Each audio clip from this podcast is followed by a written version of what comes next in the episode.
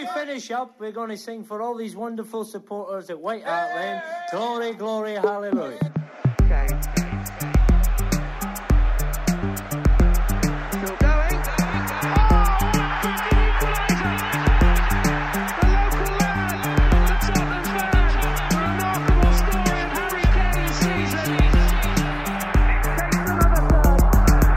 Hi, I'm Loki King, and you're listening to the Golden Cockerel podcast. Velkommen til en ny episode av Golden Cockerel, Tottenhams venner sin egen podkast. Vi skal selvfølgelig vie mye av denne episoden til kommende North London Derby, men vi skal også ta en titt på hvordan vi har gjort det i Champions League. Vi skal se på den ene eh, Premier League-kampen vi har spilt siden sist. Litt taktiske disposisjoner og eh, Brighton og Everton som kommer etter North London Derby. Og da starter vi rett og slett i Champions League. Det var jo tema for forrige sending. Eh, vi var veldig spente på hvordan dette skulle gå. Eh, vi hadde vel egentlig litt trua. Magne var litt uh, bekymra fordi at det var flere som spiller 3-4-3, og at ikke det passer så godt til oss. Hva er inntrykket deres eh, etter første, første, de to første matchene? Nei, jeg er jo litt eh, delt, eh, må jeg si. 2-0 over Marseille var jo et eh, bra resultat til slutt, men satt jo langt inne og var jo en dårlig førsteomgang, syns jeg. Men så ble Marseille redusert til ti mann, så da, da ble det greit til slutt. Den bortekampen mot Sporting var jo ikke bra, men samtidig så kunne, jo, kunne og burde Tottenham fint fått med seg ett poeng der, og da hadde man jo tenkte at de har fått en god start i gruppa der, så øh, litt håpløst å slippe inn øh, to mål på overtid, men uh, ingen stor kamp av Tottenham uh, i Portugal, syns jeg. Så det er vel ganske åpent da, i den gruppa fortsatt. Ja, Det er vel som Lars Peder sier, det er en grei start, og så er du ett minutt fra å, fra å få en OK kamp i, i Portugal, og nå blir du jagende litt framover, og du kan i hvert fall ikke tape de to siste bortekampene. Mm. eh, og du må vinne, vinne hjemme. Eh, så vi satte oss jo litt i en sånn kjip situasjon, men eh, jeg, tror, eh, jeg tror du skal fikse det utover i gruppespillet. Men eh, spillmessig har det vært ganske dårlig, eh, synes jeg. Ja, og eh, nå fikk ikke jeg sett kampen mot eh, Sporting, dessverre. Eller kanskje heldigvis. Ja. Men eh, nå kommer jo to kamp, en dobbeltkamp mot eh, Eintracht Frankfurt. Mm. Litt uh, uvisst hva man kan forvente seg der. De vant jo bort mot uh, Marseille. Uh, var det noen som eh, fikk med seg highlights derfra, eller så noe, så noe å frykte?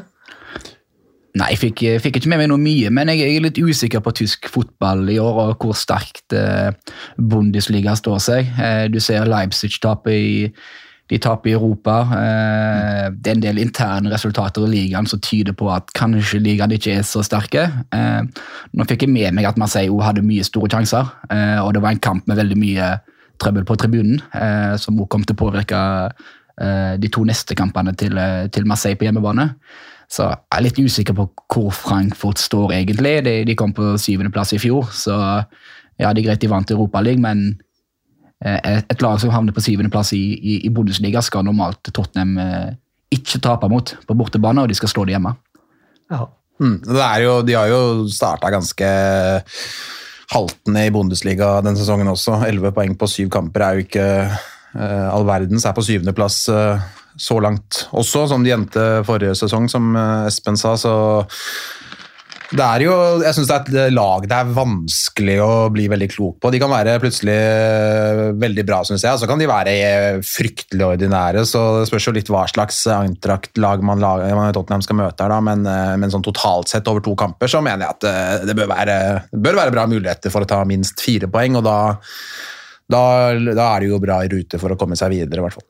Ja, tror vi. Men jeg tenker jo Jeg er like spent på Sporting i eh, dobbeltkampene nå mot Marseille. Vinner de begge de to, så har de tolv poeng og er langt på vei gruppevinnere. Ja, det tror jeg også at Marseille har noe å bevise. De var, de var ganske gode mot Tottenham. Eh, De hadde sine, eh, visstnok sine sjanser mot, mot Frankfurt òg. Det er ganske jevne grupper eh, med jevne lag. Ja. Så jeg tror ikke Sporting Wien tar seks poeng mot Marseille. Det, jeg tror det fort blir en poengdeling eller hjemmeseier. Så antall poeng du trenger for å gå videre i gruppa, må ikke nødvendigvis være så mye mer enn ti poeng, Nei. tenker jeg. I- den gruppa her, som er såpass jevne, så ett tap borte mot Sporting er jo ikke nødvendigvis krise. Eh, men det handler om å levere da eh, mot Frankfurt. De har jo annet mista Kostic, som eh, Tottenham var veldig veldig visstnok interessert i, eh, før de havna med Perisic. Eh, og så har de noen spennende spillere. Vi har sitt en link til da, med Endika som, som stopper. og eh, litt sånn, Så det, det er jo et spennende lag. og Eh, En fantastisk stadion med gode fans. 50 000 og full pakke og eh, Pippi Langstrømpe-sangen. Så det, det blir nok et trøkk eh, nede i, nede i Tyskland. Ja, Er det noen som får med seg noen bortekamper i Champions League eh, denne sesongen? Det blir ikke noe bortereising nå. Eh, Vi får se hva som skjer etter, etter nyttår. Ja. eh, Når vi har gått videre fra denne gruppa. Ja. Ja, for videre skal vi jo uansett Vi kommer ikke på sisteplass i denne gruppa. Nei, men vi skal ikke på tredje heller. Altså. Det, det skal være Champions League på nyåret òg. Altså. Så det er bare topp to som teller. Ja.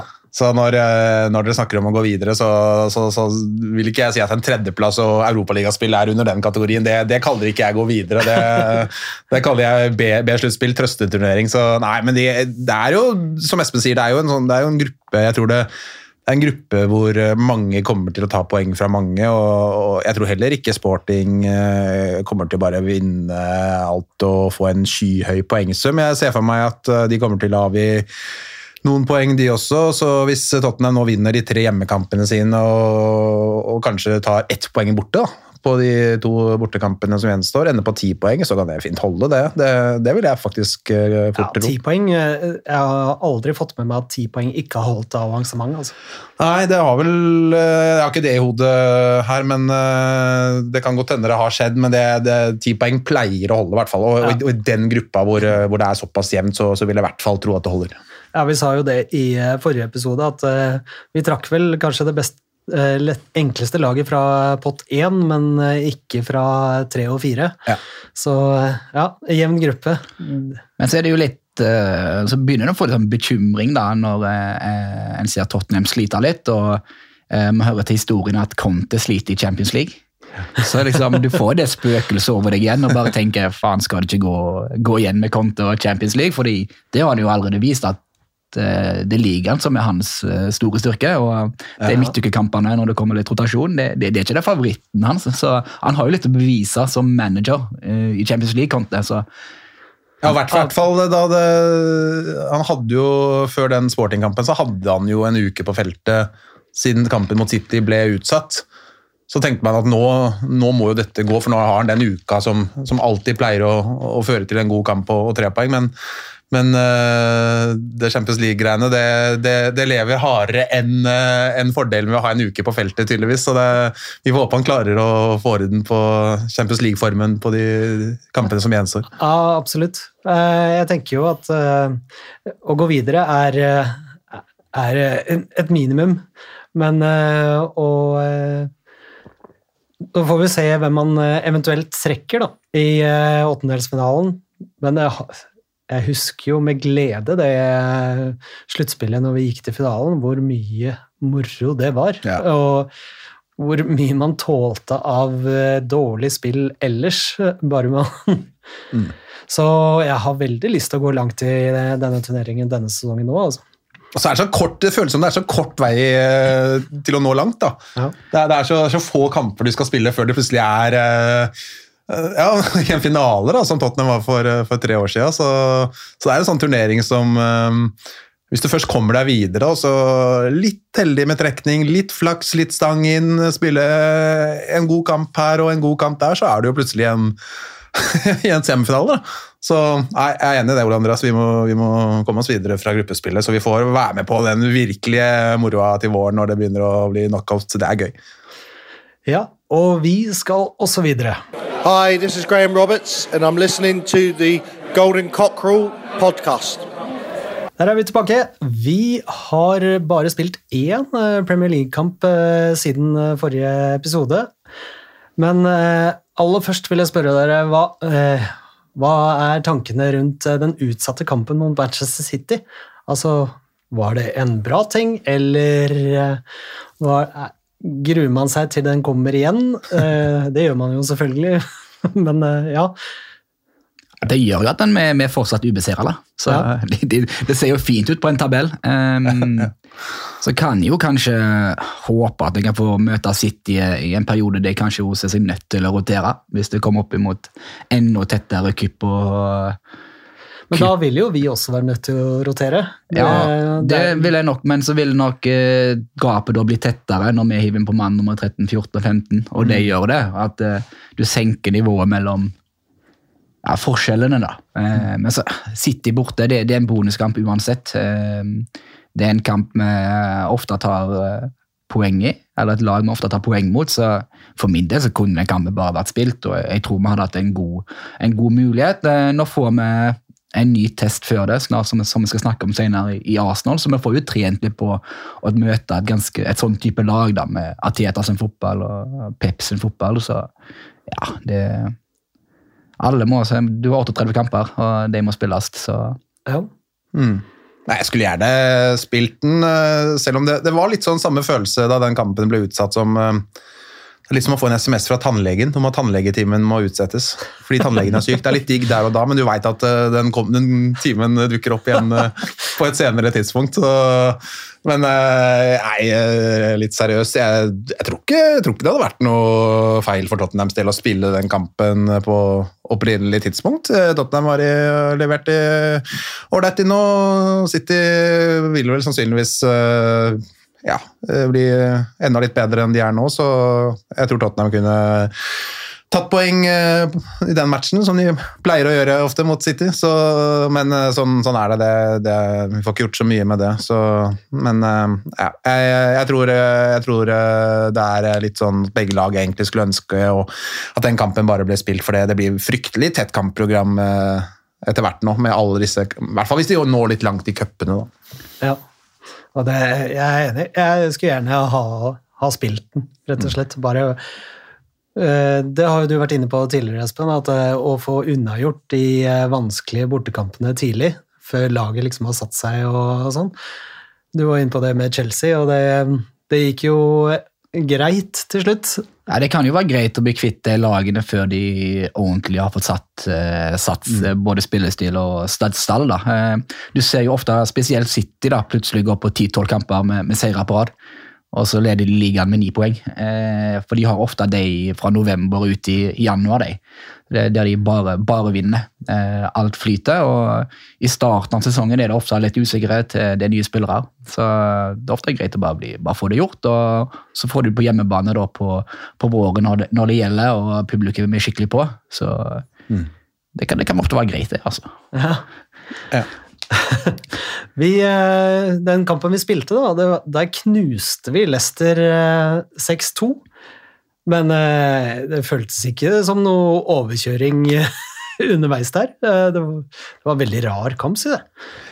Ja, det var det. Det ble jo veldig komfortabelt til slutt, og eh, etter altså 55-60 minutter så er jo Tottenham Altså derfra ut, da, så er Tottenham soleklart best, syns jeg. Eh, Men eh, jeg syns førsteomgangen var rotete, og Tottenham får jo en verst mulig tenkelig start der med det straffesparket, og eh, så snur de det, men så får Leicester den 2-2-skåringen også. Det er veldig rotete, og jeg syns denne andre omgangen frem til eh, 60 minutter er, eh, det er kaos. Da sitter jeg med følelsen at dette kan ende eh, 5-5 eller 2-5 eller 5-2 eller hva som helst. Det er helt uh, sirkus utpå der. Men uh, omleggingen til 3-5-2 og Hong Min Son inn, da, som uh, plutselig det løsna alt der, det, det gjorde jo at det endte komfortabelt. da. Ja, det var deilig. Ja.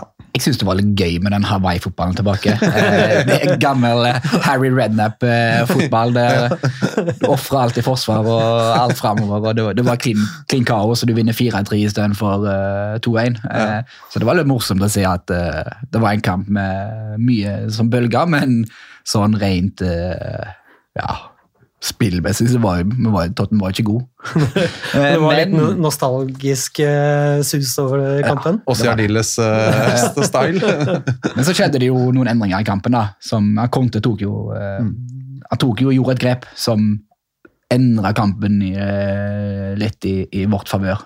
Ja. eh, som var interessant å se. Eh, som endelig eh, altså det, endelig det har venta på, at det, det, det skjedde en taktisk endring. da, eh, Som gjorde at Tottenham fikk litt mer kontroll på, på midtbanen spesielt. og de fikk eh, dytte opp både Høibjerg og, og Bentankur i mer offensive roller. Eh, og til å ta mer offensivt ansvar, ansvar fra sentralt.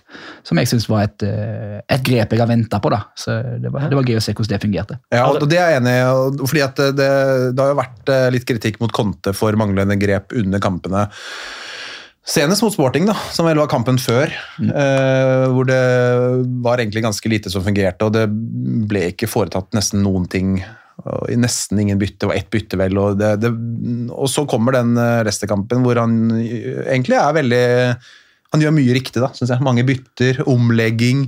Bytte side på Perisic og Cézinho. Altså, han virker skikkelig påskrudd eh, Conte, sånn fra sida der og gjør mange gode grep, syns jeg. Så, så der skal han ha veldig ros. Den, den kampen er han med på å vinne for Tottenhams del. Altså. Ja, han gjorde jo grep i forkant eh, også. Han Ja. eh, putta jo Perisic på høyre wingback. Ja. Eh, noe som mange har eh, etterspurt. eh, at eh, Magne igjen, da, han har sagt at vi har eh, de to beste vingbekkene våre er eh, venstre vingbekk. Så nå, eh, nå fikk vi se Perisic på høyre. Eh, jeg tror at han ble bytta ut istedenfor Cézinhon, fordi at han hjalp ikke Sanchez så veldig mye på sin høyre flanke. Noe som vi også så på, på 0-1 der, at når vi får straffe imot Det var komplett kaos. ja, Perisic kaster seg jo inn flere ganger og bommer totalt, og så prøver Sanchez å rydde opp, men, eh, og havner da på etterskudd eh, i forkant av straffesituasjonen. Så ja, Ja, det var jo litt, eh, jeg var litt sjokkert i det lagoppstillingen kom med, med Romero ute Mm. og litt sånn, men så eh, hørte jeg litt på um, Viaplay sin PL-pod, og de, de nevner at Conte tar jo sjelden bytter, som vi så mot Sporting, men i den kampen tok han jo faktisk fire bytter, om det ikke var fem til slutt. Ja, kanskje fem år. Ja, Fire eller fem. Så da gjorde han jo endringer underveis, og det har jeg savna litt fra han. For ofte kan bli venta litt på å endre et, et kampbilde. da. Så det var litt gøy å se at han tør, tør å bruke troppen. Mm. Og så var det kanskje også en beskjed til noen av de faste spillerne at jeg er ikke redd for å sette dere på benken i, i noen kamper. Så de er nødt til å være på to hev. For det er ganske jevnt med nummer, mann nummer 12, 13 og 14 ja. i, i den stallen. Ja.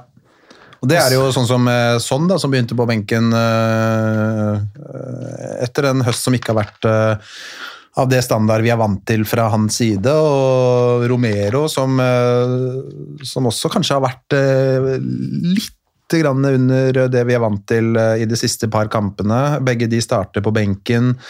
Eh, Jeg tror det er sunt, da. At, eh, at både de og de som kommer inn og hele troppen ser at her her er det kamp om plassene. Det er, det er mulig å spille seg inn, og er, man kan havne på benk hvis man ikke leverer. Og, ja, jeg tror I det lange løp så, så tror jeg det er viktig.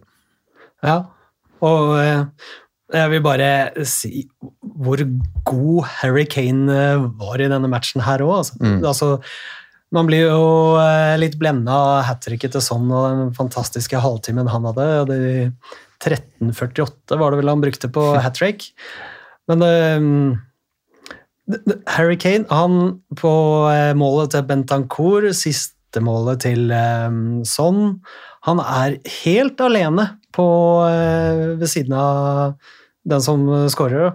Og det er Han var enormt god i eh, den kampen, syns jeg. Det er litt morsomt å se Kane, fordi han har alltid god tid. Ja. Uansett om han mottar ballen feilvendt, rettvendt, eh, midt på banen eh, på topp eller i forsvar. Han har alltid god tid, og han tar alltid seg tid til et ekstra touch for å, få å løfte blikket og sende, sende den riktige pasningen. Eh, lar seg sjelden stresse. Og det, er- det er jo en egenskap svært få spillere har. Vi har kanskje sittet i Luka Modric eh, i Tottenham før, men det er en- det jo en enorm egenskap å besitte, da, og det er en eh, unik ressurs for, for Tottenham. Ja. så blir jo bare han enda bedre når eh, de rundt seg også Hvis han nå finner formen, da, så blir jo bare Kane enda bedre også. Altså, så disse landskampene for England, eh, i hvert fall tre fjerdedeler av de landskampene de spilte nå sist, så hvor lite hjelp han får, og hvor, hvor lite eh, hans kvaliteter egentlig altså er, eh, de, de, klarer ikke å utnytte det da, på landslaget der. Eh, I samme grad som vi ser at Son og Kulisevski og de gjør for Tottenham. og Hvis vi nå kan få Son i gang, så vil jo det bare gjøre Kane enda bedre også. For det å forholde seg til en spiller som Son, det krever mye oppmerksomhet, og, og det, vil, eh, det, vil, gagne Kane også. Så vi får håpe den formutløsningen Son har fått nå, den vedvarer fremover. Og ikke minst på lørdag i Nord-London Derby. Ja. Så var det, jo, det var jo et kult grep med å flytte Kulisevskij som eh, høyre wingback. Ja.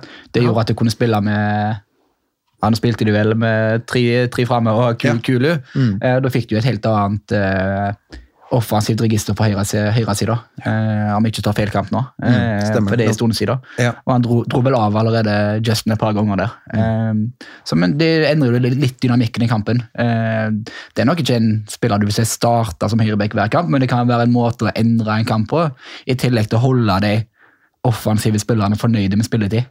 Ja, ja. At det, det, åpner opp en ekstra posisjon for istedenfor tre fremme, så er det plutselig fire stykker. Ja, Uh, men eh, Jeg lurer på om dette var mot Marseille, faktisk. Mot Marseille, ja. ja. men uh, poenget ja. står jo. Det, ja. jeg er helt enig med deg. Og det er noe vi egentlig har ønsket å se litt også, Kulisevskij på wingbacken. fordi det er jo vært snakk om at det er en rolle han kan at han kan fikse, og at han har kvaliteter som, som bør kunne bekle den rollen. Og jeg tenker jo altså Eh, det er kanskje ikke en, eh, en, løsning og et alternativ i, i hver kamp, men uh, i kamper som Tottenham skal dominere, da, hvor vi forventer at Tottenham har mye ball og de kanskje møter en uh, lav blokk, de møter et lag i Nord-London kanskje som ønsker å, å, legge seg lavt og, og er ute etter rett poeng, så tenker jeg det er kjempealternativ å stille med Kulusevski på wingbacken og både Kane, Son og Richarlison eh, eh, på topp, så, så det, jeg håper vi får se mer av det. Ja, og det gjør også Roger eh, Sagvåg. Han Det er at R Sagvag på Twitter. Han håper at spiller 3-5-2 med Kulisevskij på vingbekken. Mm.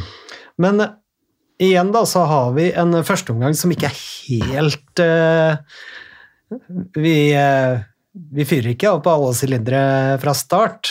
Og det har jo vært gjenganger egentlig i alle kampene, kanskje unntak av Fulham-kampen.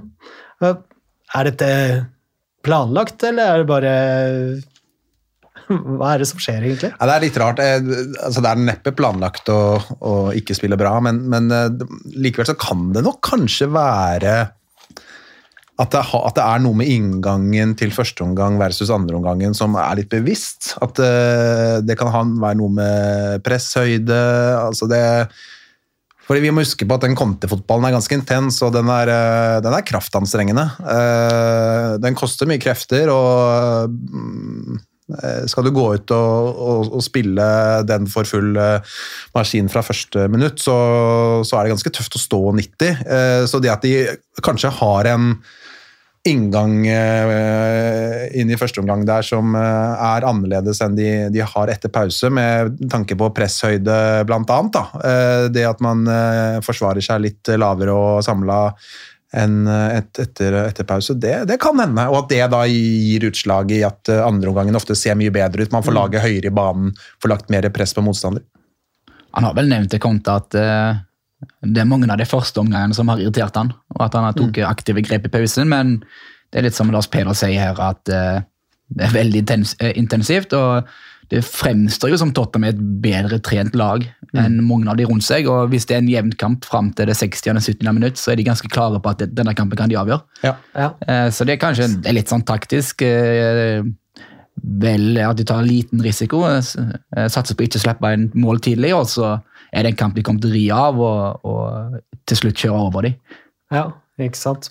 Um, Lars Kjernås var jo også inne på det i um, kampen mot Nottingham Forest. At uh, selv om uh, Nottingham Forest hadde mye, mye ball og, uh, og lå høyt, så uh, syns han at det så ut som dette var Konto sin plan, da, å bare ri det av, og så mm, kjøre på etterpå. Han sa vel eh, han sa en setning som jeg syns var veldig fin, og det, det, den føler jeg traff ganske bra. Det er ikke så viktig for Konto å dominere kampene, men det er viktig for han å kontrollere kampene. Ja. Og Det syns jeg er veldig treffende. Og Sånn som den Forrest-kampen. Jeg, jeg føler at eh, Nå har vi vel sett noen statistikker på at eh, Tottenham er det laget som slipper til motstander Altså avslutningene til motstander er fra lengst hold i snitt. Ja.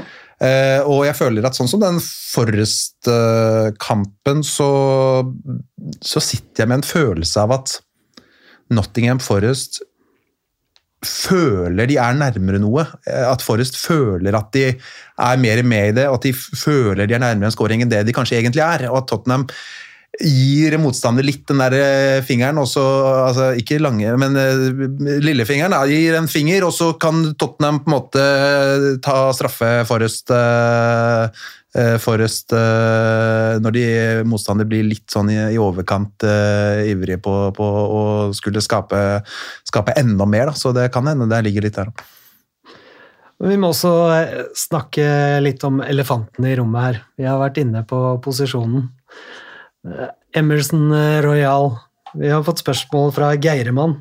Geirmann1 på Twitter. Hvordan klarer Emerson å ende opp i startoppstillingen til Conte hver bidige gang? Vi har signert et supertalent i Spence, som ja, kommer fra championship, men som har vist, god, eh, vist seg god mot lag som Leicester og Arsenal. I tillegg så var Docherty eh, den beste høyrebacken i fjor. Hva skjer?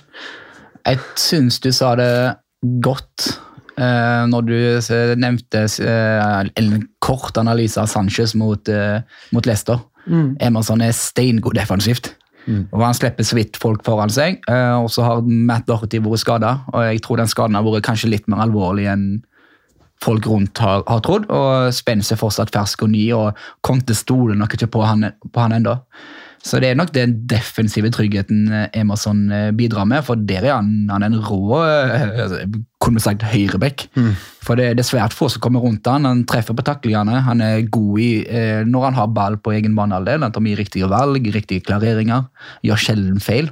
Så det er nok en trygghet, spesielt da hvis du spiller med Sanchez, Ja. som er litt mer rå enn Eller litt mer ja, litt mer uh, ukontrollert enn uh, selv en gal Romero.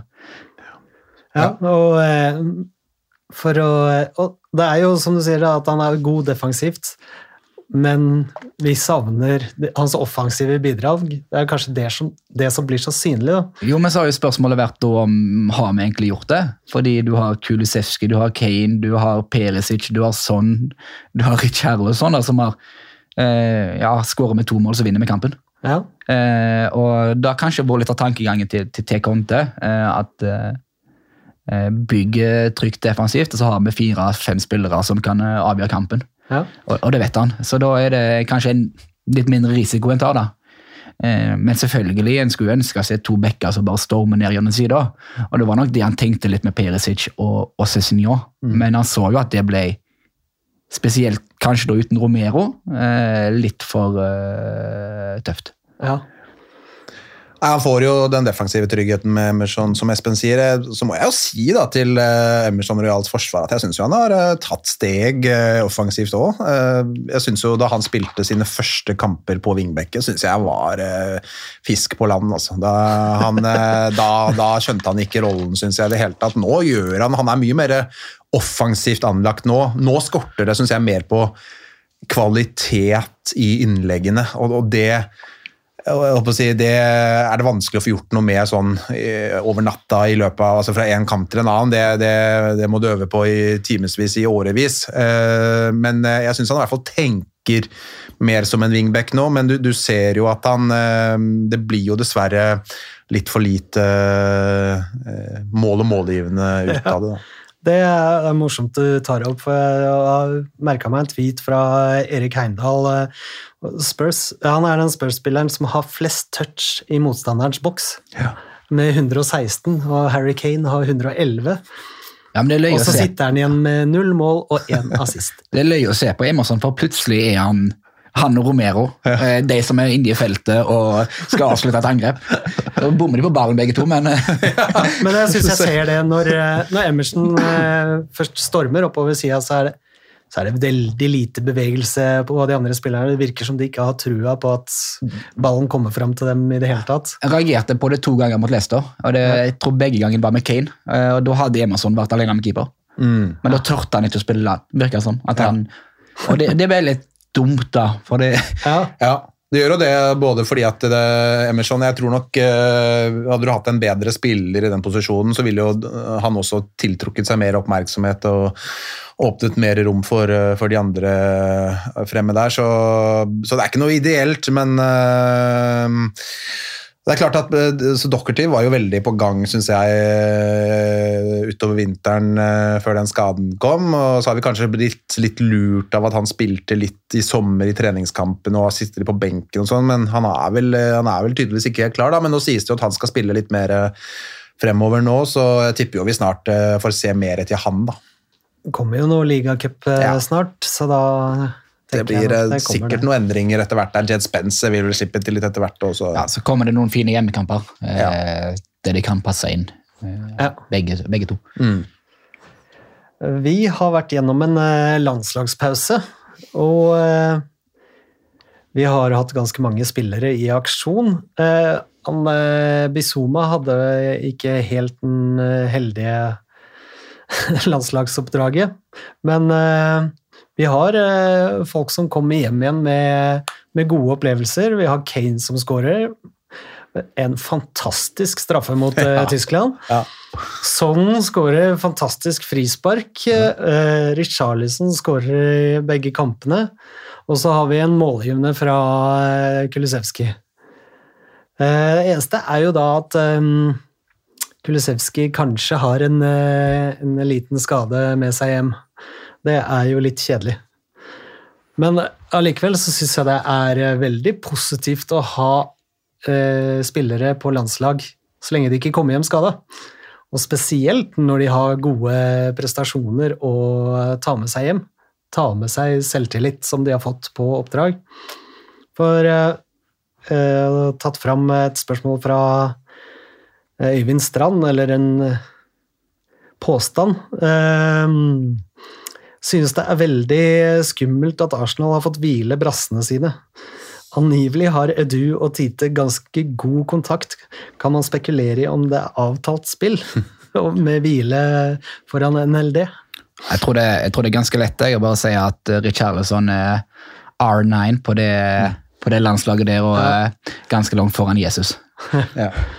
Og så er det jo et poeng at den siste kampen til, til Brasil den spiltes i Frankrike, og Richarlison spilte 45 minutter, Ja. blant annet. Uh, Så den reiseavstanden er vel fort kun Romero Bentancur. og kanskje Son nå, eh, og Ja. Bentancur. Eh, Eller Sanchez, var- eh, Sanchez og Romero, ja, de to var det vel som spilte natt til onsdag, var det ikke det? Så, så det tror jeg skal gå fint.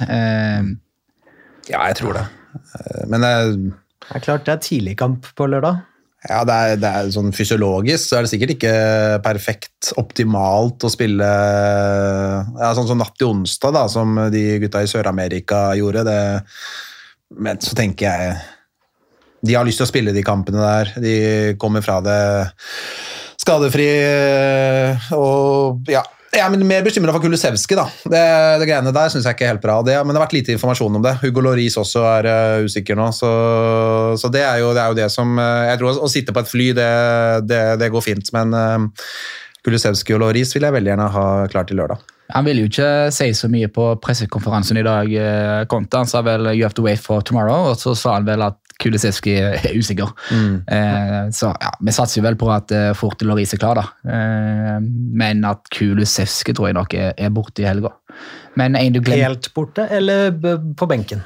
Ja, vi får se, da. De har jo har en ganske skadefri tropp utenom eh, kun Davis, så benken klarer de å følge opp uansett. Eh, Så det kan nok avhenge litt av hvordan de tenker og hvor mye de eh, vil risikere. Det kan jo gjøre at f.eks. at Spence er med istedenfor, mm.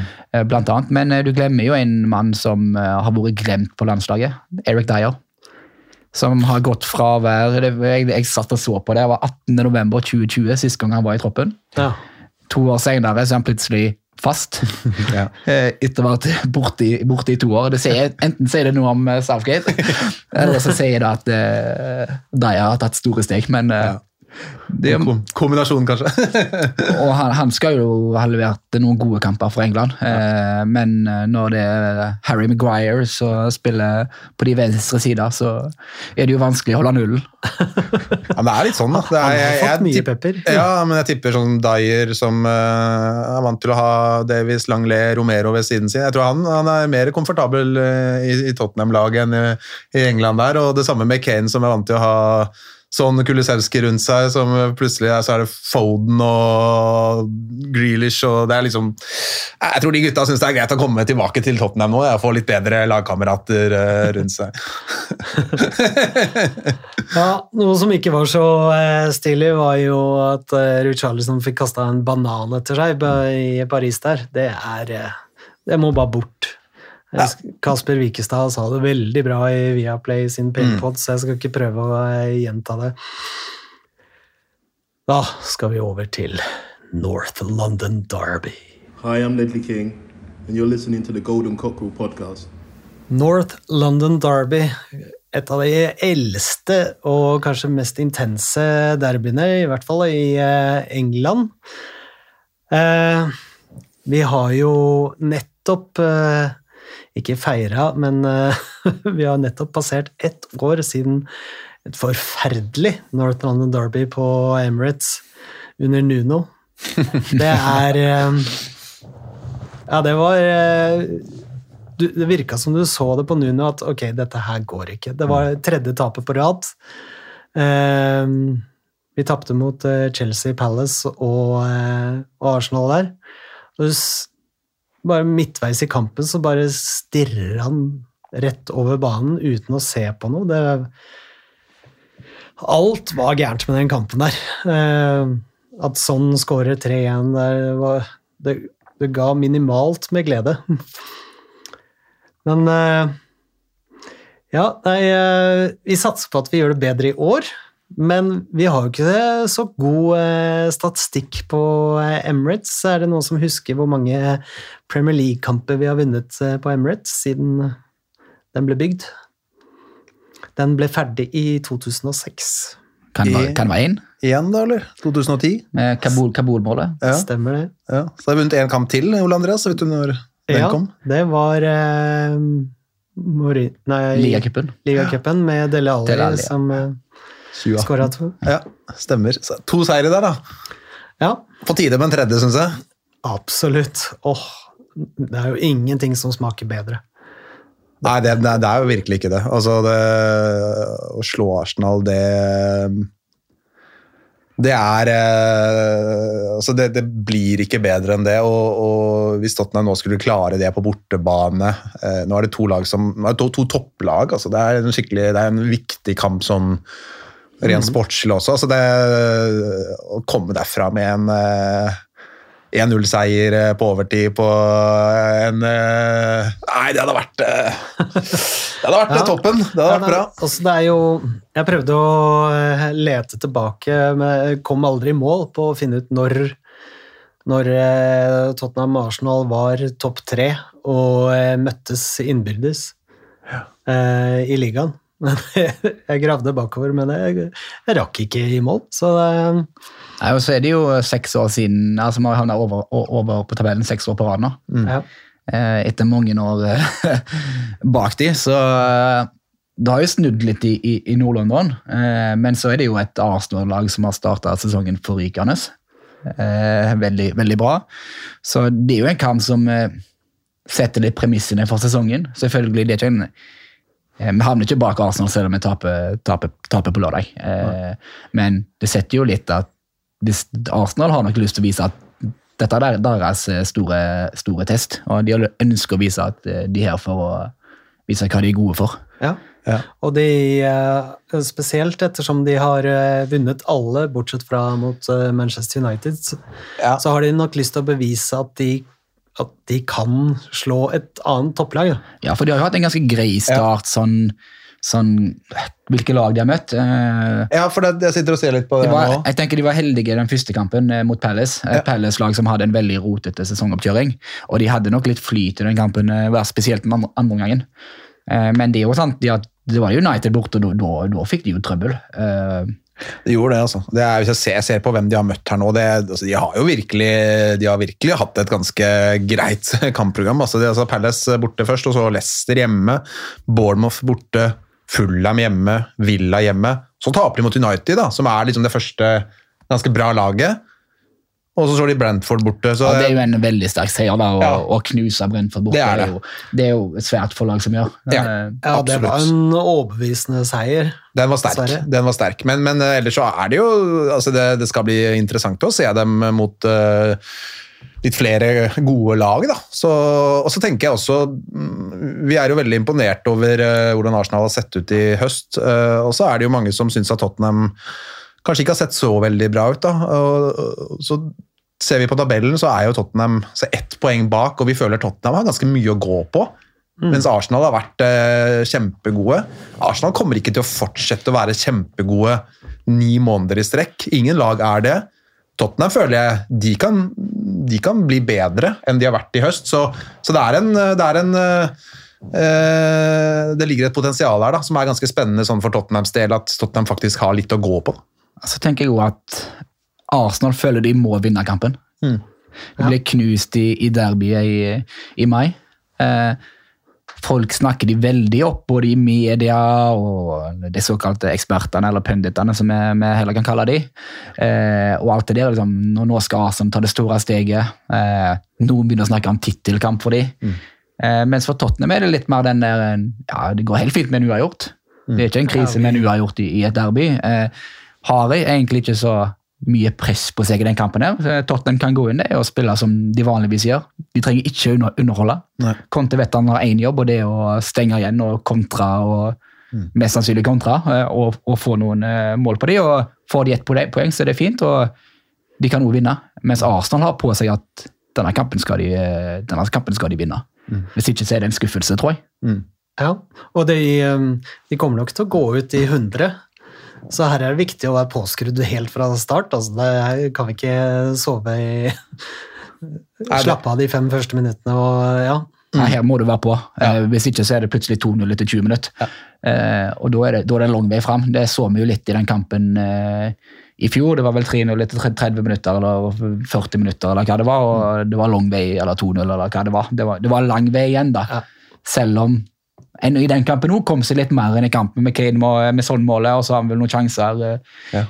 men det var jo altfor seint å, å, å hente det inn igjen. Eh, så en må være på fra start. Ja. Eh, Det kommer til å komme et uh, voldsomt kjør fra Arsenal. De, altså, med den kampen i vår frisk friskt i minne og foran eget publikum og alt det der. Jeg leste en eh, Det var vel eh, jeg husker ikke, Sky Sport et eller annet som la ut en tweet om kampen i, i dag. og Da var det en Arsenal-supporter leste jeg, som kommenterte at eh, Arsenal må skåre før pause. Hvis ikke så, så, så taper, taper Arsenal. Så de, er, de, er veldig, de har veldig sånn respekt for den derre at Tottenham er bra trent, kommer ofte sterkere etter pause. Så det kommer til å bli et veldig kjør tror jeg, fra hjemmelaget fra start. Så hvis Tottenham er påskrudd, klarer å stå imot det, kontringsmuligheter vil det garantert bli. Jeg mener det er mulig å kontre på dette Arsenal-laget og skape en del. Vi så United. United gjorde det jo veldig Ja. bra. Eh, De flytta jo Rashford opp ganske sentralt. Ja.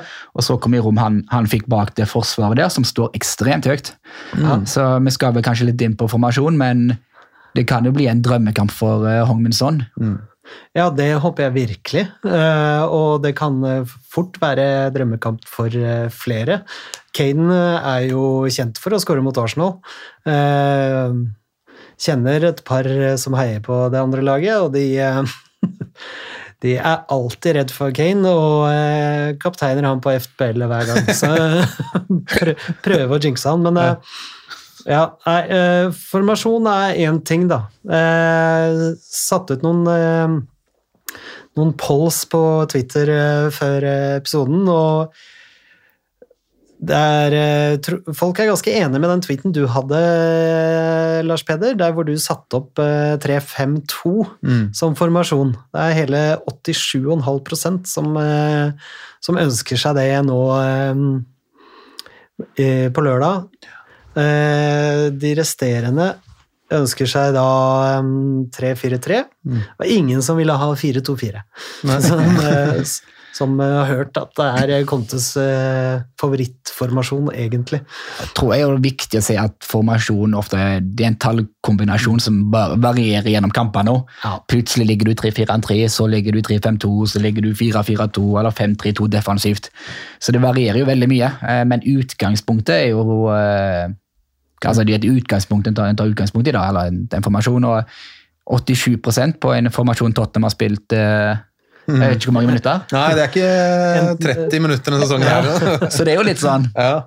ja, vi har lyst til å se Bizuma sammen med Bentancour og Høibjerg. Eh, og så åpner kanskje den Kulusevski-skaden for at det faktisk skjer fra start. Det, det tror jeg.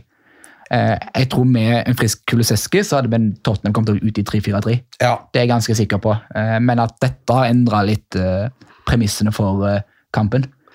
Ja, jeg har jo stilte også spørsmålet om eh, om hvem som starter på benken av de fire på topp. da. Det er jo eh, Kane, Son, eh, Kulusevski og Richarlison.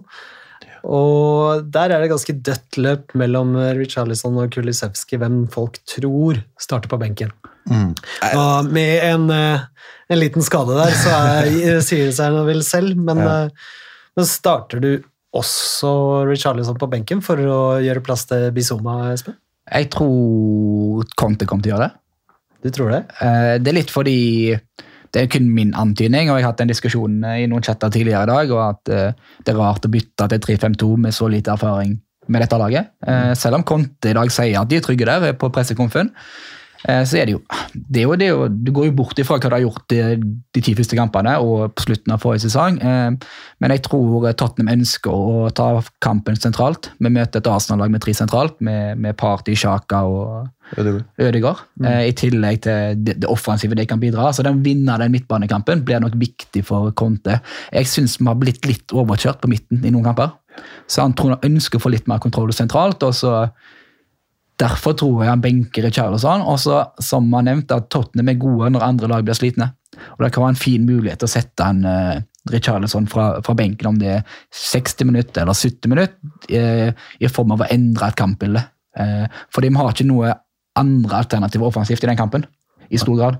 Så å ha friske offensive bein som kommer inn, tror jeg kan være en nøkkel. for Hvis ikke så må de jo stå 90 minutter, eller du legger om omvendt. da, At du legger om til kanskje en 3-5-2 i løpet av kampen. Ja, og, men en Richarlison fra benken har jo vært eh, en gulloppskrift, eh, egentlig. Når han starta nå mot, eh, mot Leicester, så syns jeg ikke han Han var ikke så synlig. Han, er, han jobber og sliter og eh, drar, og han er, jobber som et villdyr. Men eh, han han var liksom ikke involvert i det offensive spillet like mye. Men det er jo han som skaffer corneren som eh, Dyer scorer på. Og, eh, og han eh, presser jo også Han må hjelpe meg her. eh, på eh, 1-1-skåringen der, er det ikke? Ja, eh, det, det, han var aktiv, men altså Det er noen eh, valg til må ta før den Nord-London-kampen, og det skal bli veldig interessant å se hva han går for. For det er eh, Det er eh, 3-4-3 er det de har spilt mest, og som de kjenner best. 3-5-2 har, eh, har fungert egentlig eh, veldig bra de få gangene de har spilt det. Så eh, her står han overfor et valg. og Arsenal som kommer med tre sentralt, eh, det har jo vært en utfordring for Tottenham eh, i flere kamper, mot, egentlig mot uh, langt svakere lag enn Arsenal, som har uh, utnummerert Tottenham sentralt her og, og fått Tottenham til å se ganske ordinære ut. Uh, Vi så jo det noen kamper i vår med så 15 blant annet, ikke sant? Så jeg er veldig spent på hva han går for. Jeg har jo tidligere sagt, og mener vel fortsatt det, at det kunne vært spennende å se dem i, i 3-5-2. Um, hvis Kulusevski hadde vært eh, klar, det kan jo fortsatt hende han er det. Vi har ikke fått bekrefta at han ikke spiller, vel, men eh, det er vel en del som tyder på at han kanskje ikke, kanskje ikke rekker den. Hvis Kulusevski ikke spiller, da, så, så ser jeg gjerne Kane og sånn på topp der. eh, og en 3-5-2-formasjon med Bizoma inn. Og jeg tror Charlison som en innbytter i den matchen der, siste halvtimen, komme inn med, med den energien. Altså, han kan virkelig endre, snu opp ned på eh, hele dynamikken, kampbildet. Altså, hvis Tottenham trenger det, da. Altså, hvis, hvis, det, hvis Tottenham er ligger under, sliter litt med å få tak i ball, eh, ser litt eh, tannløs ut. Bare hive inn eh, en sånn kontrollert, clean, gæren fyr. Det tror jeg vil være mitt altså det, kan være, det kan være bra. Ja, det, det er jeg litt redd for med da må å starte i 3-5-2, og er hvis det ikke fungerer. Da, da ser jeg ikke nødvendigvis at 3-4-3 er liksom Ok, da går vi tilbake til det som eh, tidvis ikke har fungert kjempebra, at, eller som har gjort at vi har lagt om til 3-5-2.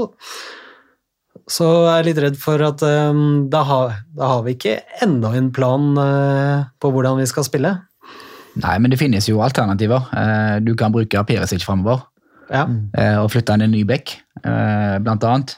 Så de, de kan jo rokere litt på laget. om Konta ville tidligere kommet ut i 4-2-3-1 nå, han, så at han legger litt om. Men det som kan bli interessant da, hvis de kommer i en 3-5-2, er hvor tett Son og Kane kan samarbeide. Der Kane blir den møteren og Son går i bakrom mot, et, mot en høy linje. Men jeg tror det er fint jeg, å kunne ha noe fra benken som kan endre et kampbilde. Absolutt. Istedenfor å starte kanskje i en 3-4-3, 3-4-3, der du ikke har den samme offensive muligheten til å endre fra benk. da. Og så tror jeg, ja, jeg er enig. Og så tror jeg Jeg tror øh, Hong Min Son, og kanskje også Kane, men spesielt Hong Min Son, er best faktisk øh, når han får være en del av et spisspar med Kane. Kontra faktisk i den 3-4-3. Jeg syns, jeg altså Nå har jo sånn levert godt i den formasjonen der, så det, det er jo lett å argumentere mot det jeg sier nå, men jeg syns likevel at sånn blir litt han blir litt sånn låst i den, inn, innover venstre. Jeg, jeg tror sånn trives best når han kan improvisere enda mer, spille enda mer på instinkt enn det han kanskje kan i 3-4-3, hvor, hvor rollen hans er litt, litt mer satt.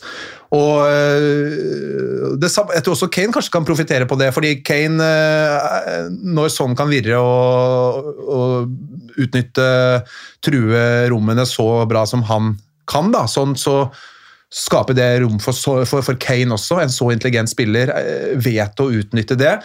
Så jeg ser for meg at, eh, at eh, de to eh, kan fungere veldig bra som et, et spisspar, så det er egentlig noe. Og vi må huske på det her at Hong Min Son skårte tre mål mot Leicester, og det var i 3-5-2. Ja. Det var som et spisspar at uh, de to leverte. Og skulle vi hatt deg på video, Lars Peder, for nå var du veldig flink til å tegne og fortelle med hendene. Ja, det, jeg merka det selv at uh, det er dumt ikke vi er uh, har noe vi, Da var det mye taktikk og tegninger i lufta her, altså. Ja. Ja, nei, det, jeg er helt enig i at vi trenger å kunne gjøre endringer eh, underveis i kampen. Og eh, hvis, hvis vi bare har de tre på topp, da, og kanskje Perisic Han spilte jo der for Kroatia nå i landslagspausen, men eh, Ja, nei, jeg eh, Personlig så eh, ville jeg starta i 3-4-3. Men eh, ja. Nei, Jeg tenkte det samme til nyheten om Kulusevski kom. Mm. At han er, han er ute. Det endra litt premisset for kampen. Eh, for min del. Eh, eh, ja, litt mer kanskje defensiv trygghet, og så kontra på to spillere. Og, eh, eh, for de mister litt av den kreativiteten eh, Kulusevski har.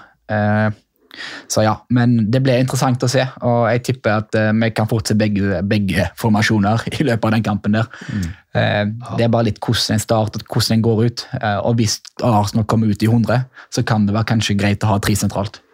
Og jeg syns Bizuma fortjener ordet, for han hadde en god kamp. Eh, Så blir ble interessant å se hvordan de legger opp midtbanen, for da mot Leicester så var Bizuma dypest. Ja. Det hadde ikke jeg sett for meg. Nei. Eh, når han kom, jeg hadde tenkt å sitte til Høibjerg i den dypere, og Bentancour og eh, Bizuma som indreløpere, men de, de gjorde, jo, gjorde ikke det.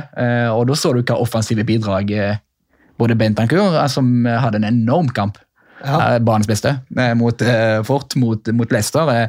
Han gjenvinner ballen på det ene sånn målet, og så har han jo én goal, og så har han en kjempesjanse der, han, eh, der keeper, eh, om det er keeper redder eller en blokkering. Mens eh, Bizuma vinner ballen, som gjør at Høibjerg sender gjennom sånn. Så det, var, det viste seg å fungere sammen.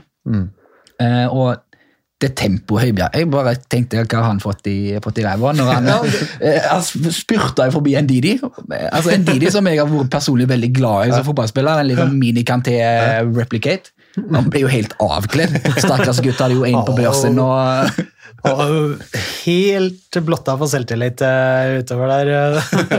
Han eh, var vel eh, to minutter, så ble han fratatt ballen, og Bentancour skårer, og så var han gult kort minuttet senere. ja, så ble han kledd, kledd av Hybler etterpå. Det var jo det var en marerittomgang for Ndidi. Skal, skal vi gi litt uh, fortjent ros eller til Høibjerg? Han er til og med nominert uh, månedens spiller.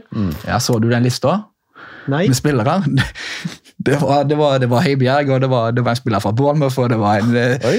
spiller ja, det, var, det var ikke mye, mye, mye Det var ikke the usual suspects. Nei, si det var sånn. ikke the usual suspects på den. eh, Jeg håper jeg, håper jeg Høibjerg eh, får den, for altså, jeg, jeg må si at jeg syns han er fryktelig undervurdert blant Tottenham-supporterne.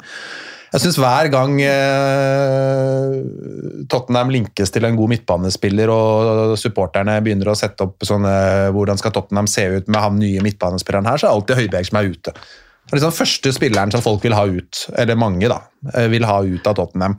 Av Tottenham-supporterne. Eh, Jeg syns han er så bra, da. Jeg syns han, eh, han, han, han er så viktig. Han og Bentancour. Bentancour også, vi, de to der. Altså, det, det er bra midtbaneduo, altså. Ja, det, Den er veldig bra, men jeg må, jeg må ta den lista her. Fordi play, Player of the Month eh, for eh, nominerte for september, det er, det er Marcus Rashford, Jacob Rams, Ramsey, Alex Iwobi, Høibjerg, Philip Billing og Kevin De Bruyne. Jeg bør vel Høibjerg og De Bruyne være favoritter, men jeg vil nesten si at Høibjerg eh, ligger godt an der. jeg. Ja, han har jo hatt Billing, ja. eh, Hva er det Billing har? Han Han hadde jo, hadde et mål. Ja, han skåret et mål, men ja. Men så er det jo eh, det som har vært litt imponerende med Høibjerg i starten i år, er målpoeng. Han har vel fire målpoeng. to mål og to assist. Ja, jeg tror fort det. Og det er jo noe vi har savna fra midtbanen. Eh, hvis en går tilbake til Christian Eriksen. Det var mye, det var en del Ja. mål fra altså, ja, hva, hva, ikke, hva, hva skal du kalle Del Alli, om det er midtbane eller spiss, eller hva han er, men han sto nå som midtbane på, på Fantasy Premier League. Eh, men da hadde vi jo ingen altså, Vi har ikke hatt noen mål, målkilder fra midtbanen, men plutselig ser du nå Bentancour har assist og mål, og Høibjerg har eh, assist. Og i tillegg har Høibjerg mål tidligere kamper. Det gir oss jo Hvis vi klarer å få noen av dem i løpet av en sesong, så gir det oss noen ekstra, ekstra poeng. Ja, ikke sant? Mm. Jeg føler det, jeg føler Høibjerg har det i spillet sitt. Jeg føler han har blitt litt uh, Han har fått et sånn stempel i Tottenham som en sånn defensiv uh, vaktmester, da. men han er veldig mye mer enn det, syns jeg. Han ble jo henta litt som det under Mourinho, som en sånn Han skulle være den der ryddegutten, den vaktmester sentralt. Han er jo uh, mer offensivt Ja. involvert for Danmark. Ja, det er akkurat det. Så, og når vi så at han fikk litt friere tøyler mot Leicester, så mm. hva han kunne. Ja, han har, der eh, utsidepasningen ja, ja. han har langs uh, Han er jo Zinedine. Zidane, han er jo helt uh, Zidane. Så hvis han, nei, nei, men, altså, jeg, men, men jeg, jeg, mener, jeg mener det at han, han, har, han, har, uh, han har et register som er mye større enn det vi kanskje tror. da. Så han må bare få litt frihet. og... Men han skaper debatt på, på sosiale medier. Det er, det er aldri Bentancour det liksom snakkes opp og ned og frem og tilbake om. Det er Høiberg eh, dårlig, eller Høiberg bra, eller mm. Nei. Jo. Han er blitt litt sånn nåtidens Mosa Sissoko. Som alltid var scapegoat. og skjulte på, men spilte jo eh, veldig mye og gjorde en, altså, veldig undervurdert jobb. Nå traff jo Sissoko aldri mål, men uh, hadde, hadde vel to kamper bra der. skår. Nei, men, jo, men altså, det er, jeg, jeg, jeg syns helt seriøst at Høibjerg får for mye pes. Altså, det har, eh, hvis du ser på hva han har levert i Tottenham, altså, så har jo det stort sett vært veldig bra. Så at, eh, at han fortjener eh, anerkjennelse, det, det mener jeg. Altså. Ja. Men litt tilbake til kampen, da. Ja. Det er jo altså høy, på høy tid med en uh, seier på bortebane, men vi er uh, enige om at vi lever greit med ett poeng.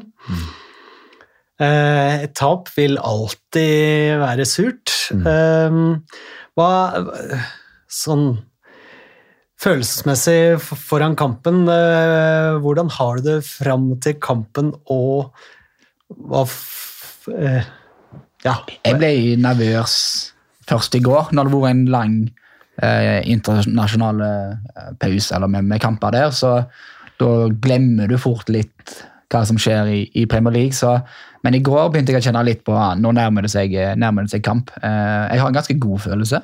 Det er sjeldent. Litt sånn trygghet. Eh, ja, det er jeg enig i, men det har jeg hatt foran sesongen òg. ja, det hadde jeg nettopp borte mot, mot Chelsea. Trygg.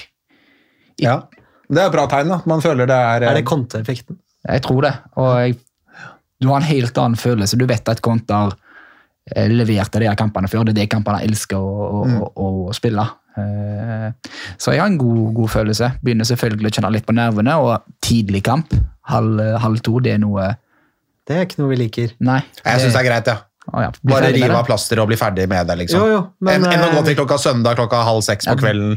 Når man skal Men møte Arsenal borte. Ja, det mener jeg, altså. Tottenham eh, Sove litt lenge på lørdag, så bare stå på og, Men Tottenham halv tolv på en lørdag, det er ikke nødvendigvis eh, det samme som seier, altså. Nei, de tidligkampene syns jeg ofte har vært uh, litt svake. Men, uh, men jeg, litt tilbake til Espen sa om Conte. Jeg, jeg tror Conte elsker sånne kamper. Jeg tror, det, jeg tror, jeg tror Conte gleder seg mye mer til, til sånne kamper enn uh, Nottingham Forest hjemme. da.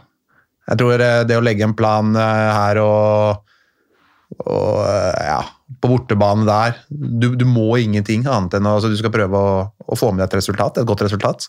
Eh, det er Arsenal som må begeistre og underholde eget publikum. Tottenham eh, ja, de kan gå ut og prøve å, å få med seg eh, helst tre, eventuelt ett poeng. Det vil være bra, det òg. Jeg tror Conte, Conte gleder seg tror jeg, til lørdag. Jeg tror Arsenal-fansen er mer nervøse Ja, enn enn Tottenham eh, for dette.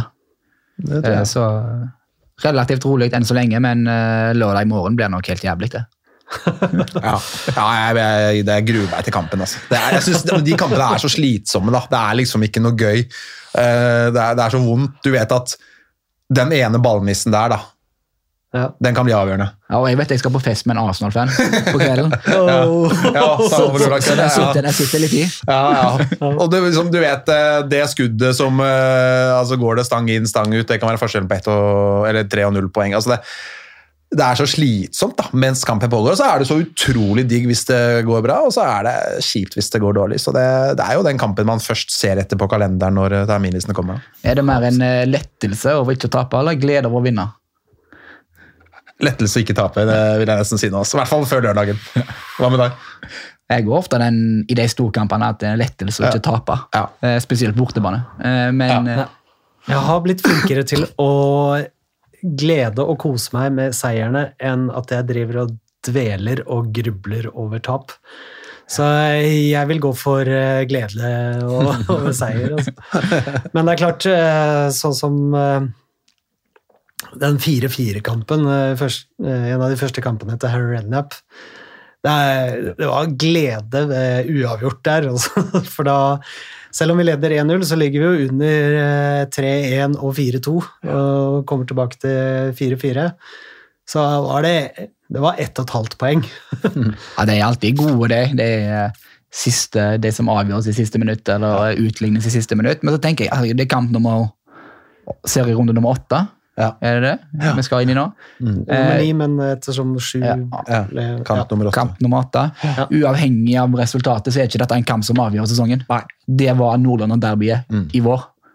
Så det, det står mye på spill, selvfølgelig, men Ja, uansett på for hvert lag da, så kan denne skaden repareres i andre kamper, for det kommer, det kommer, det kommer 30 kamper til å, å Ja. rette det opp på. Eh, mens i vår betydde det alt. Ja, og så er det jo, som ble sagt her, jeg, jeg tror dette er viktigere kanskje for Arsenal på den måten at altså, Tottenham har en Arsenal hjemme. Tottenham pleier å slå Arsenal hjemme. altså eh, Hvis Tottenham nå skulle slå Arsenal på Emirates altså Den smellen det er for Arsenal, da, etter, etter det som skjedde i mai. og- ikke sant? Og, Ja, det er, Øyvind Strand nevner jo det. Han eh, poengterer det at eh, de 30 siste North London derbyene så har bortelaget vunnet to ganger. mm, Og da har vi én borteseier hver.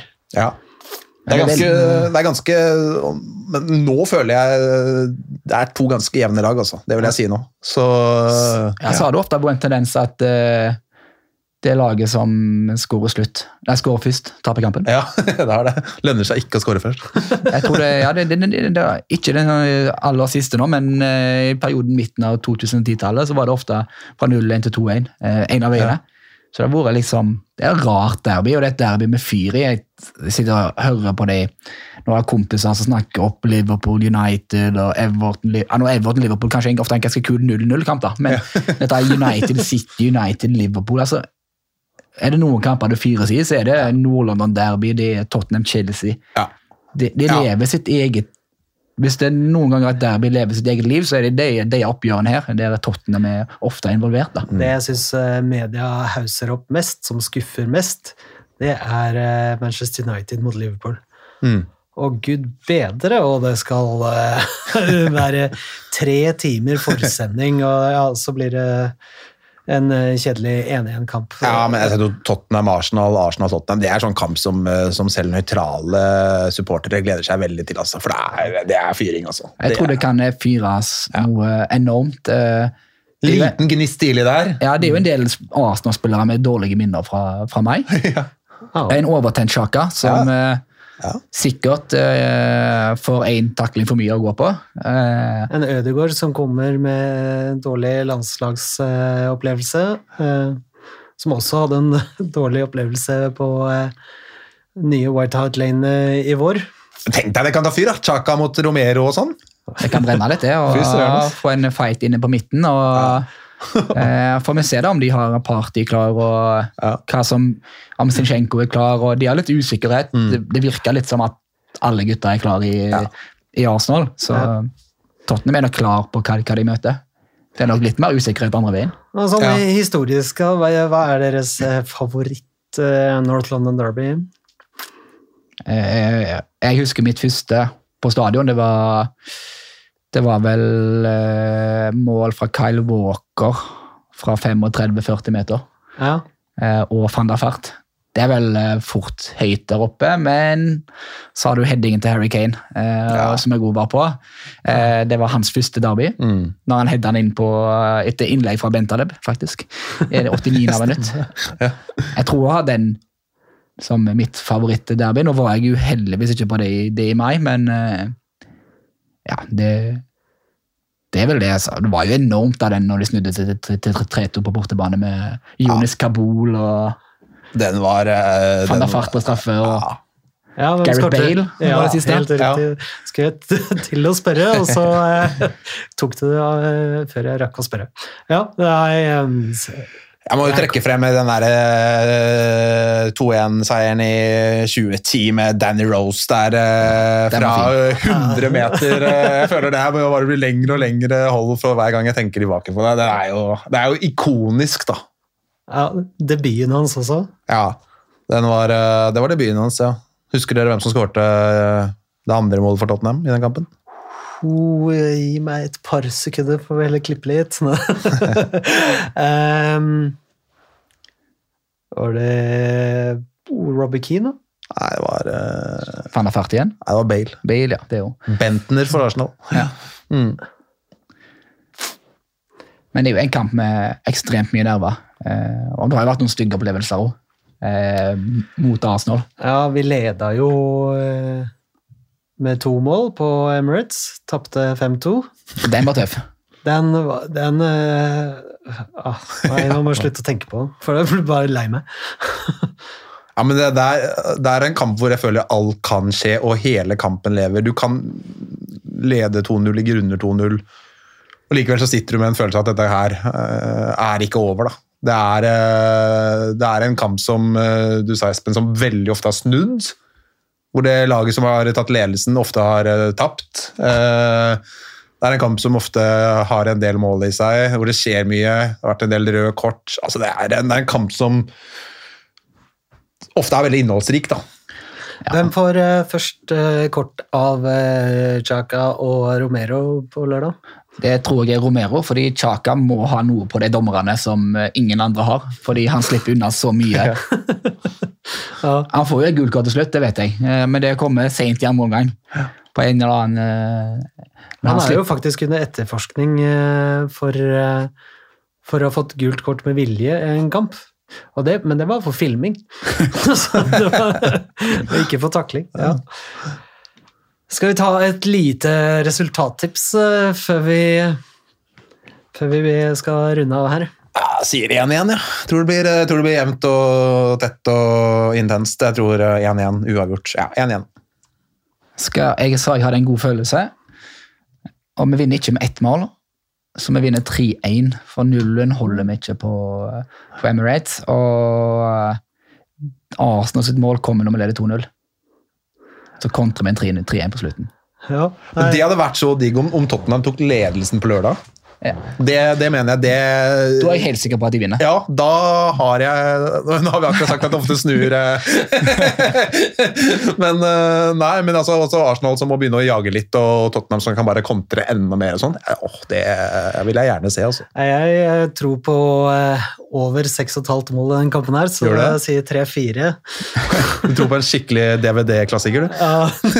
ja. Fram med pressa. Ja, Nei, jeg kan- tror det blir Det eh, kan bli underholdende. Ja. eh, Begge lag er gode offensivt. eh, Ja, og det er to Og klarer å røre det til eh, i eget forsvar. Så det altså det er to gode dødballag. Mm. Det er kanskje svært sjelden uh, kan si om eh, spesielt Tottenham, men, eh, men du ser jo litt Arsenal og de skårer mye på, på corner. Tottenham skårer mye på corner. Eh, Saliba har vel to mål, hvis jeg ikke tar feil. Eh, Ja, det tror jeg stemmer.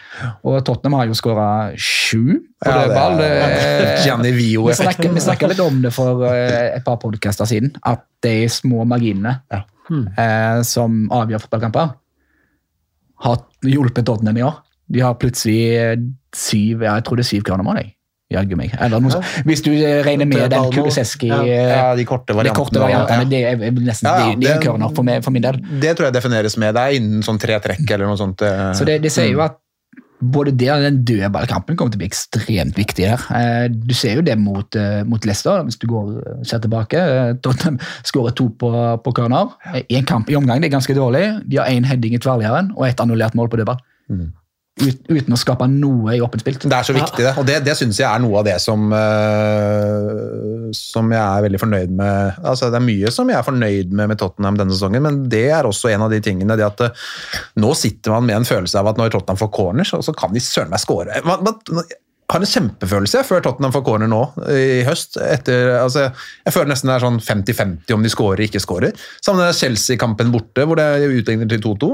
Hadde en skikkelig god følelse før den corneren de skårte på. Og det, Sånn har det ikke vært de siste årene. De har jo vært ganske dårlige, eller veldig Nei, det er like greit å bare spille den corneren hjem til Loris, og så kan vi starte Ja, fra det, er- bakfra men det har vært sånn de siste årene at det, det, for jeg i hvert fall håper det ikke blir en kontring imot. ikke sant? Det har nesten vært på det nivået der. Men nå så er det sånn Fy søren, her kan det bli scoring! Det er eh, Altså begynner, begynner laget å frykte det. òg. eh, Ja. Men du ser jo det Liverpool og City i fjor, som var nummer én og nummer to, de var de to beste dødballagene i tillegg. Det er viktig. Det Det er er, så, det er så enkle mål, Ja, da. og det, jeg tror det er litt undervurdert i fotball. Ja. Ja, vi må gjerne få en litt sånn defensiv dødballcoach også. Eh, For eh, vi slipper fortsatt til.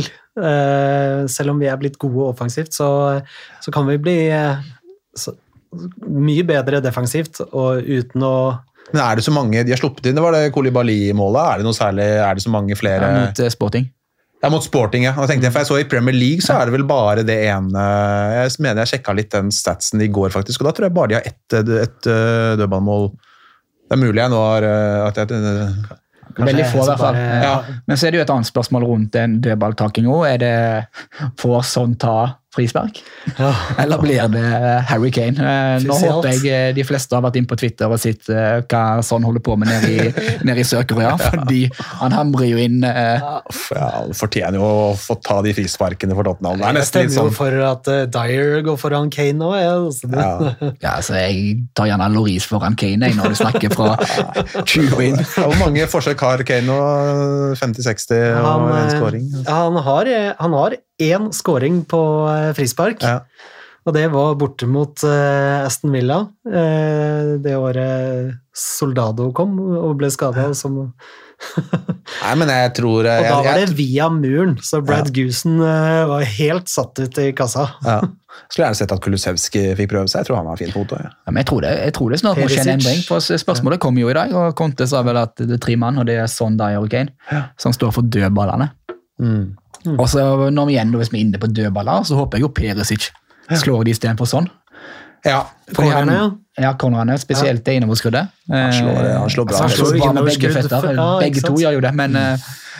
For du ser, jeg har, jeg har lagt merke litt til det at uh, dødballene Perisic slår, oppfatter jeg som blir farligere. De treffer mer. De, ikke, de slås ikke like hardt, men litt mer presise inn, i- inn, inn i riktig korridor. da. Ikke sant. Så det er mot eh, Dyer nå. Ja. Du ser jo eh, Da kan vi jo prøve å legge merke til det på lørdag. Hvis eh, Kulisevskij går ut for å ta corner, blir det kort corner og spiller vegg der? Ja, det, er vel, det er det 100 sannsynlighet for. Ja. De er farlige, de der. Altså. For et innlegg det var! Eh, panna Men for en innleggsfot Kulusevski har. Ja, det, er- altså, det innleggene er, eh, det er Beckham opphøyd i Figo. Altså. Vi eh, begynner å bruke ganske godt på tid. Vi skal eh, snakke litt om eh, Brighton-kampen og Everton-kampen før vi eh, avslutter.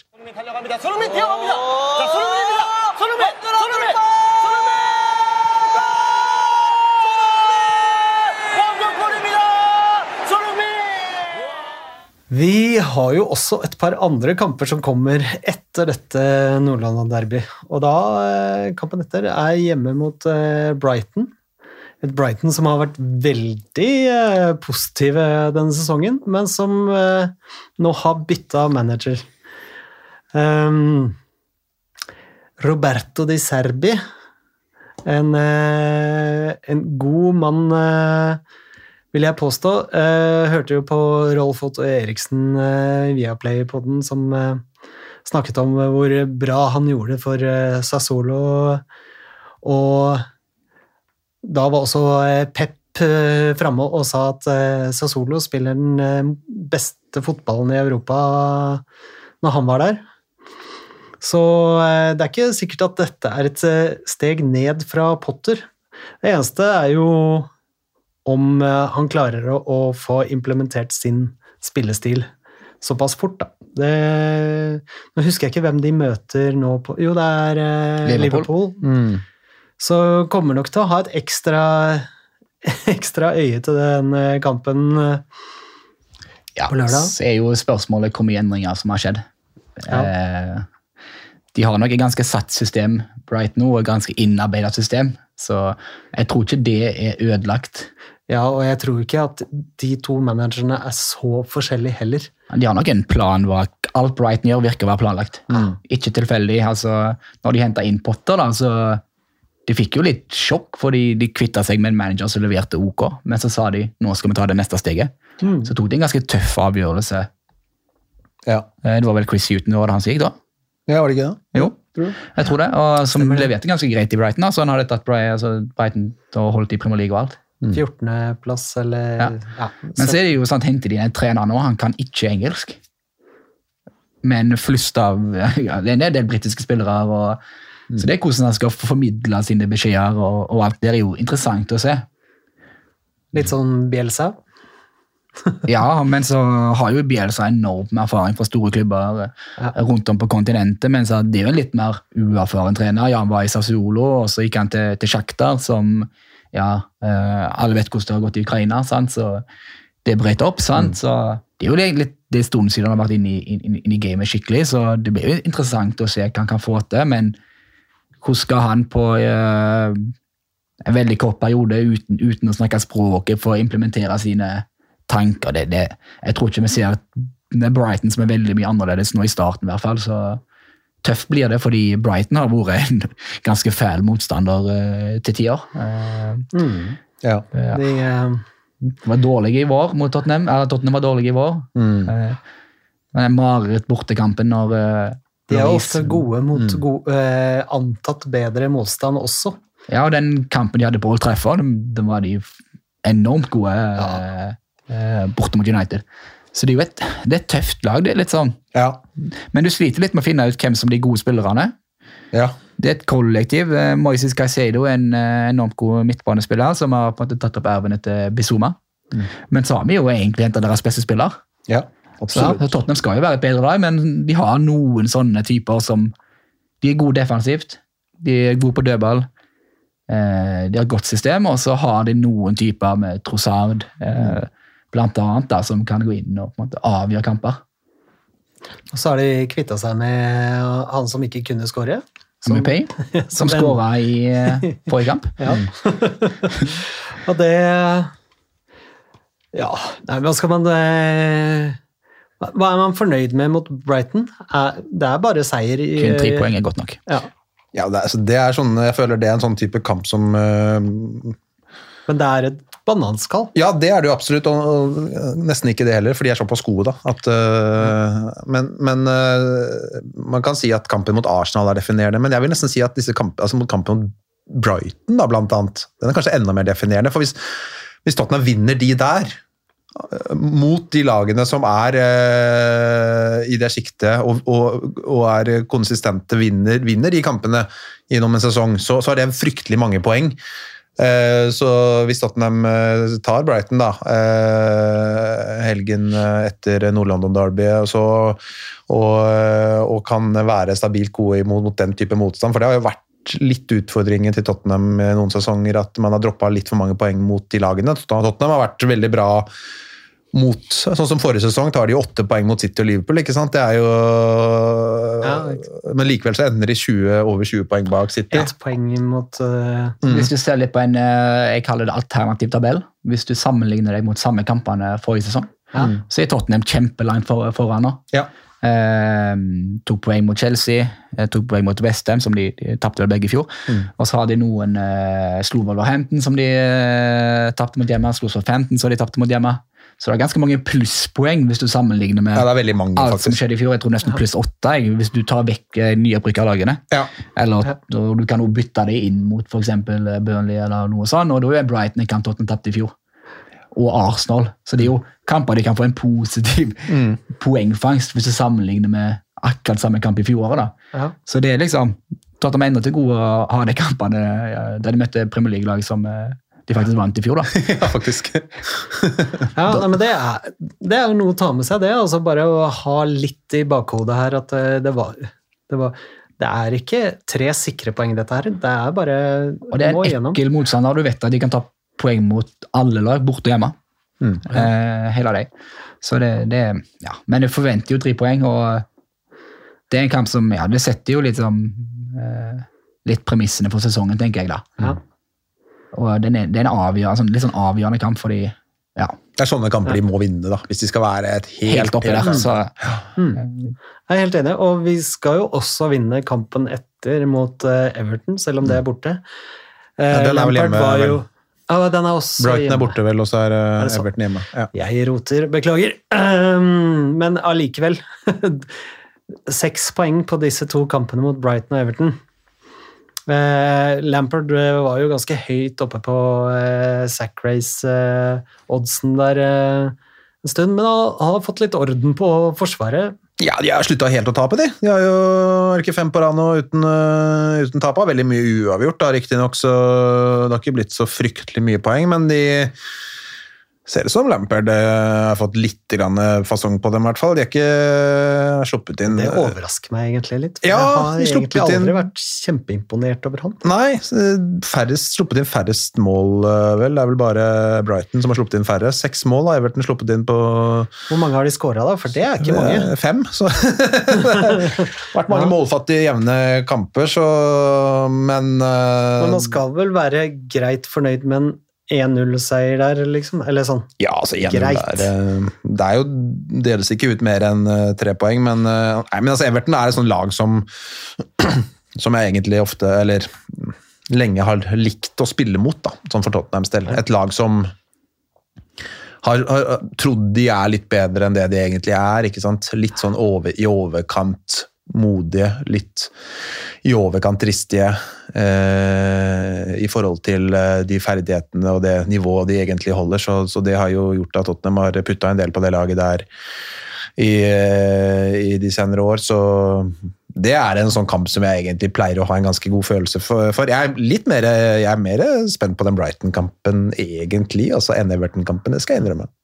Det blir mer, jeg blir mer skuffa hvis vi ikke tar tre poeng mot eh, Everton, enn eh, hvis det ikke Ja. blir tre. Everton hjemme enn Brighton. eh, Brighton borte, ja det er Ja, nå, tok, nå slo vi vi jo Brighton borte Mm. Uh, forrige sesong. Det tap, tap på hjemmebane. Ja. Uh, det var jo en ganske god bortekamp. Med, det var Kane som uh, var ganske rå og spente til Coca-Cola-flaska, som Tottenham gikk inn i et Ja, partnerskap med i dag. ja, hva er det for noe? Er det noen som vet dere hva det går ut på? Er det Kan vi slutte å gå inn i partnerskap med folk med rød logo? Ja, Vær det så snill! mye av det. Nei, det var vel noen som begynte å spekulere i det Coca-Cola Stadium. Ja. Sprite Heart først- Lane. Ja, først, I første omgang var det vel ja, noe sånn. Det var gøy, da. Sprite Heart Lane. Det er I hvert er, fall litt nærmere Ja, det er ikke rødt. ja. Altså, Nei da, men så får Det er jo ja, men det er tøffe kamper. Altså, altså, eh, I hvert fall den bortekampen mot Brighton. Ja. Den er tøff. Eh, Får de seks poeng der uh, altså, de, de er i ferd med å få en, uh, en veldig god start på sesongen. Nå Arsenal borte nå, får med seg noe der, og så er det Brighton og Everton. Um, så ser vi jo Chelsea og, Chelsea og Liverpool har ikke fått noe spesielt god start på sesongen. Jeg føler det er en sesong der det er mulig å, er mulig å røre litt opp i toppen der, altså. Der jeg- kan skje noe. jeg ser litt på det. altså, Det er bortekampene en starter med. Du starter med Chelsea borte, Ja. og så har du Westham borte, og så Nottingham borte, og så er det Arsenal borte. Så skulle du hatt City borte, og så skulle du ha Brighton borte. Ja, ja, Og Liverpool, som Liverpool var det borte ene. snart òg. ja. Ja, det er hjemme først mot Liverpool. Er det det? Ja, det er det fjorten, ja, men du har jo ekstremt tøffe bortekamper. Ja. Og de er ferdig med mange av dem nå. De Ja. ligger så høyt som de gjør. Så det, Men så er det jo sånn at hvis, nå har du 1-2-0 på bortebane, og så, vi du skal jo helst se at den, eh, det blir noen seirer, ikke bare uavgjort. også. Ja. Vi, tre vi trenger en borteseier. Ja, for det var jo Forrest, sant? Eh, og det handler om å vinne mot gode lag borte. Mm. Eh, selvfølgelig, ofte det Conte sier vel at eh, hvis du ikke kan vinne, så skal du ikke tape, i hvert fall. Mm. Men du kan ikke holde på å spille uavgjort hele tida heller. Nei. Nei, skal vi si at vi tar et minimum av åtte poeng da, på de tre neste kampene? Det er vel ikke mulig å ta åtte, Ole Andreas, men Jeg sa minimum. ja. Nå måtte jeg, nå måtte jeg frem og telle på fingrene. Ja. Mattehumor der, altså. Ingenting er bedre enn litt mattehumor, Ole Andreas. Det, Nei, det Det er gøy. Eh, Jeg tenker det holder for i dag. Vi har prata vel og lenge, og eh, veldig hyggelig. Vi skal ha eh, i hvert fall én episode til før eh, VM eh, ikke går av stabelen, som Alexander eh, Schou ville sagt. Men ja, vi Takk for i dag. Takk for at dere lytter, og send oss gjerne innspill og spørsmål på at golden underscore cockerel på Twitter. underscore, heter det det nå? Understrek Ja, det er sikkert riktig. Ja. Takk for at dere hørte på. ja. Takk til deg, Lars Peder. Takk til deg, Ole Andreas og Espen. Takk til deg, Espen. Takk for det. Ha det bra.